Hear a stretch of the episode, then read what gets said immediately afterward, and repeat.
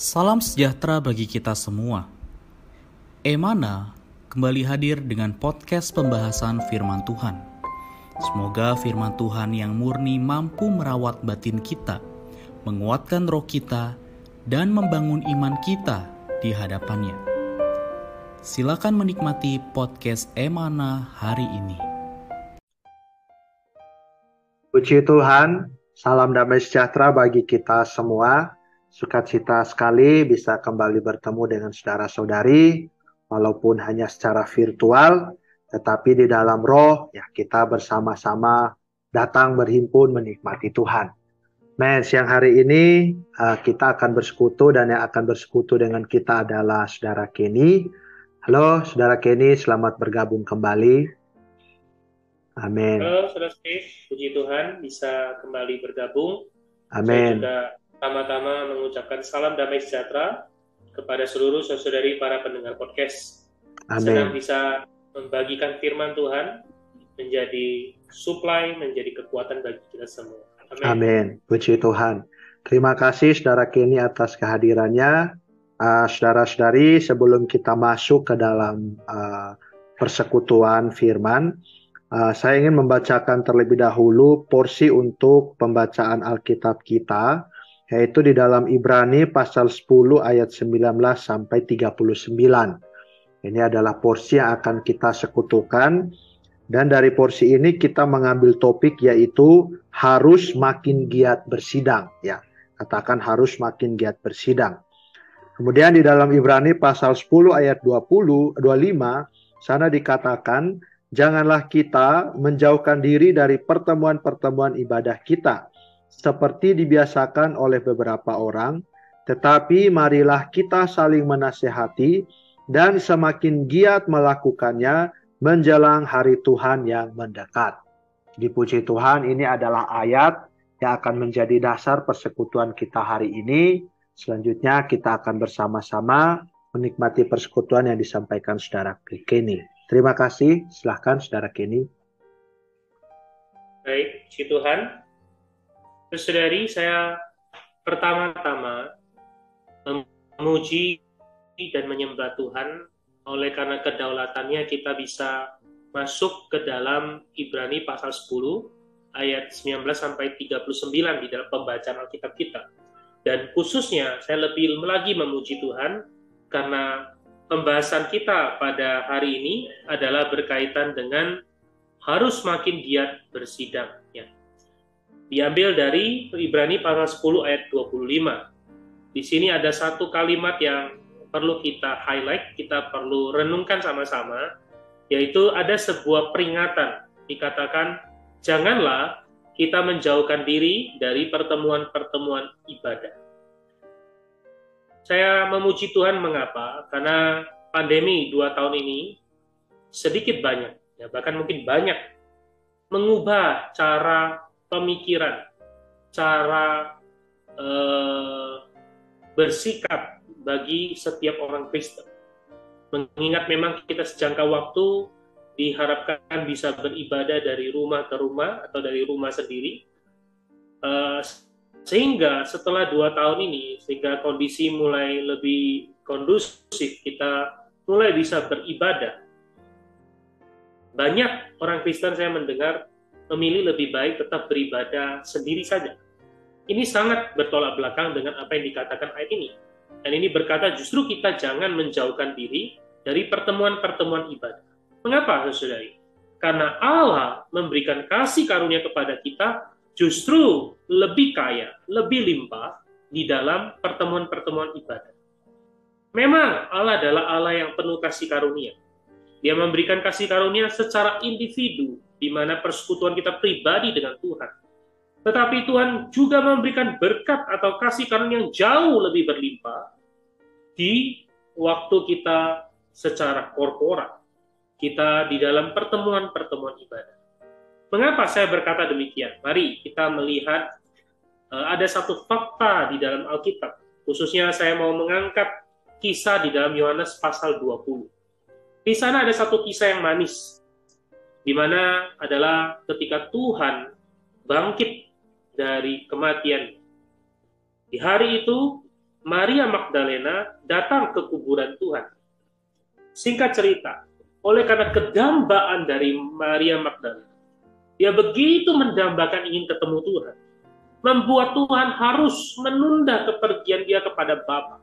Keterangkatan dia kepada Bapa untuk bertemu dengan Maria Magdalena. Ini sangat manis bukan, Saudara? Tetapi Yohanes pasal 20 tidak berhenti sampai di sana. Di perikop berikutnya, Yohanes pasal 20 menceritakan ada sebuah pertemuan, yaitu murid-murid Tuhan. Mereka sedang berkumpul, ya, di hari pertama minggu itu. Mereka berkumpul di satu tempat dengan pintu-pintu terkunci. Mereka takut pada orang Yahudi. Tapi pada waktu itu, Yesus berdiri di tengah-tengah mereka dan berkata, damai sejahtera bagi kamu. Wah, ini sungguh berlimpah. Mereka ketakutan. Mereka berkumpul. Tapi tiba-tiba Tuhan datang, perkataan pertamanya adalah menghibur mereka. Damai sejahtera bagi kamu. Kemudian setelah itu, dia menunjukkan tangannya, lambungnya, dan murid-murid kembali bersuka cita karena melihat Tuhan. Lalu apakah Tuhan berhenti sampai di sana? Tidak. Tuhan melanjutkan berkata, damai sejahtera bagi kamu sama seperti Bapa mengutus aku, demikian juga sekarang aku mengutus kamu. Lalu dia berkata dan mengembusi mereka dengan berkata, terimalah roh kudus. Saudara-saudari, sungguh limpah. Tuhan tidak hanya menghibur mereka, Tuhan bahkan memberikan amanat. Tuhan mengutus mereka. Dan Tuhan memberikan mereka bekal yang luar biasa.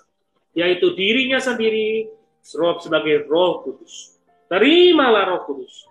Apakah berhenti sampai di sana? Tidak. Lalu Tuhan berkata, Jikalau kamu mengampuni dosa orang, dosanya diampuni. Jikalau kamu menyatakan dosa orang tetap ada, dosanya tetap Luar biasa bukan saudari? Tidak hanya dihibur, tidak hanya menerima roh kudus, bahkan mereka diberikan sebuah kuasa. Kuasa untuk mengampuni, kuasa untuk menyatakan dosa. Inilah kelimpahan di dalam pertemuan ibadah. Dan kita melihat ada satu murid Tuhan yang tidak hadir pada pertemuan itu. Dia mungkin merasa kumpul bersama-sama lebih lebih resiko. Dia pergi, yaitu Thomas. Dia kehilangan berkat yang berlimpah ini. Maka, saudara-saudari, kita melihat, oh, memang Tuhan merindukan kita juga setiap hari datang pada secara pribadi setiap pagi kita boleh datang pada Tuhan. Tetapi kita tidak boleh hanya satu sisi saja. Kita perlu sisi yang lain, yaitu tidak menjauhkan diri dari pertemuan-pertemuan ibadah. Dengan demikian, kita akan menjadi orang Kristen yang paling diberkati. Bukan hanya punya berkat secara individu, tapi kita juga menikmati berkat secara korporat. Demikian saya sharing firman Tuhan hari ini. Semoga memberkati kita semua. Amin. Amin. Terima kasih saudara Kenny atas persekutuannya. Uh, saya juga sangat diberkati dengan uh, apa yang baru baru saja disampaikan. Ya, kembali mengingatkan saya saudara-saudari bahwa uh, Tuhan memberikan anugerah ya. Tuhan memberkati kita dalam perkara rohani diberikan dalam dua aspek ya, yaitu dalam aspek individu dan dalam aspek korporat ya. Saya sangat terkesan satu hal saudara-saudari bahwa kita bisa berdoa, bisa membaca Alkitab sendiri, dan kita juga bisa menerima berkat. Tetapi saudara-saudari itu belum lengkap ya, karena ada aspek berkat rohani yang lain yang diberikan Tuhan kepada kita yaitu melalui, secara korporat ya, yaitu dan itu diberikan adalah ketika kita berhimpun bersama dengan kaum beriman. Jadi saudara-saudari artinya kita tidak boleh hanya memperhatikan aspek rohani secara individu tetapi mengabaikan yang korporat. Kita juga tidak bisa hanya memperhatikan yang korporat tetapi mengabaikan yang individu. Artinya saudara-saudari kedua-duanya ini harus seimbang. Ya, kita menuntut Tuhan secara individu, tetapi kita juga harus menuntut Tuhan secara korporat. Sehingga hasilnya kita akan mendapatkan berkat Tuhan yang berlimpah. Ya, uh, tentu saja di sini adalah berkat dalam aspek rohani. Ya. Jadi saudara-saudari, semoga berita ini juga mendorong kita ya untuk tidak menjauhkan diri dari pertemuan-pertemuan ibadah. Nah, kalau masih ada saudara-saudari yang masih merasa uh, lebih nyaman di rumah, uh, mungkin lebih nyaman uh, beribadah secara virtual, uh, cobalah saudara-saudari. Ya sekali waktu datanglah ke dalam perhimpunan ibadah yang diadakan secara fisik ya atau tatap muka. Sana saudara-saudari akan benar-benar merasakan bahwa ya justru hanya di tengah-tengah saudara-saudari bersama-sama dengan kaum beriman yang lain kita bisa menikmati kelimpahan Tuhan dengan tidak terbatas ya. Kita akan melimpahi menikmati kelimpahan Tuhan yang diberikan dengan limpahnya. Nah, semoga ini yang mendorong kita boleh ada satu peralihan ya peralihan dari kehidupan gereja secara Zoom, secara online dalam penghidupan gereja yang tatap muka ya, di mana kita bersama saudara-saudari berhimpun bersama datang menikmati Tuhan. Puji Tuhan, kita akan menutup persekutuan kita. Saya minta sekali lagi saudara Kenny boleh memimpin kita dalam doa. Amin. Mari kita berdoa. Amin. Tuhan, terima kasih kami memuji akan firman-Mu Amin. Oh Tuhan, Kau adalah Tuhan yang memberkati kami. Amin. Memberikan kasih karunia yang berlimpah. Amin. Tidak hanya di dalam aspek pribadi kami. Ya. Tapi bahkan di dalam pertemuan ibadah. Amin. Tuhan Kau sendiri menampakkan dirimu. Ya. Kau mendatangkan Amin. damai sejahtera bagi kami. Amin. Kau mengaruniakan roh kudus kepada kami. Bahkan Amin. kau memberikan kuasa kepada kami.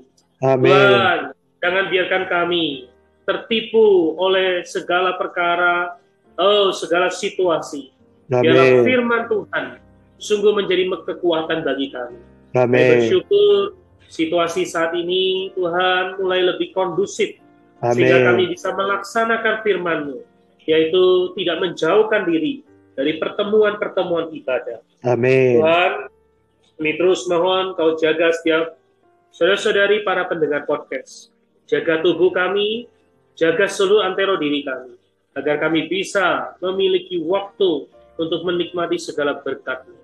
Kami berdoa di dalam nama Tuhan Yesus, Juru Selamat kami, memberi kasih karunia. Amin. Amin.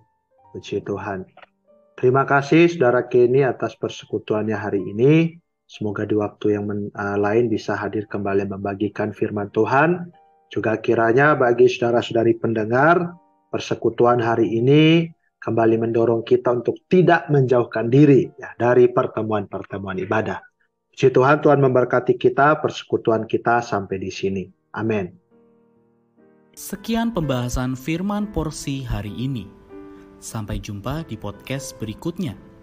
Jangan lupa untuk download aplikasi Emana pada handphone Anda untuk manfaat yang lebih banyak. Tuhan Yesus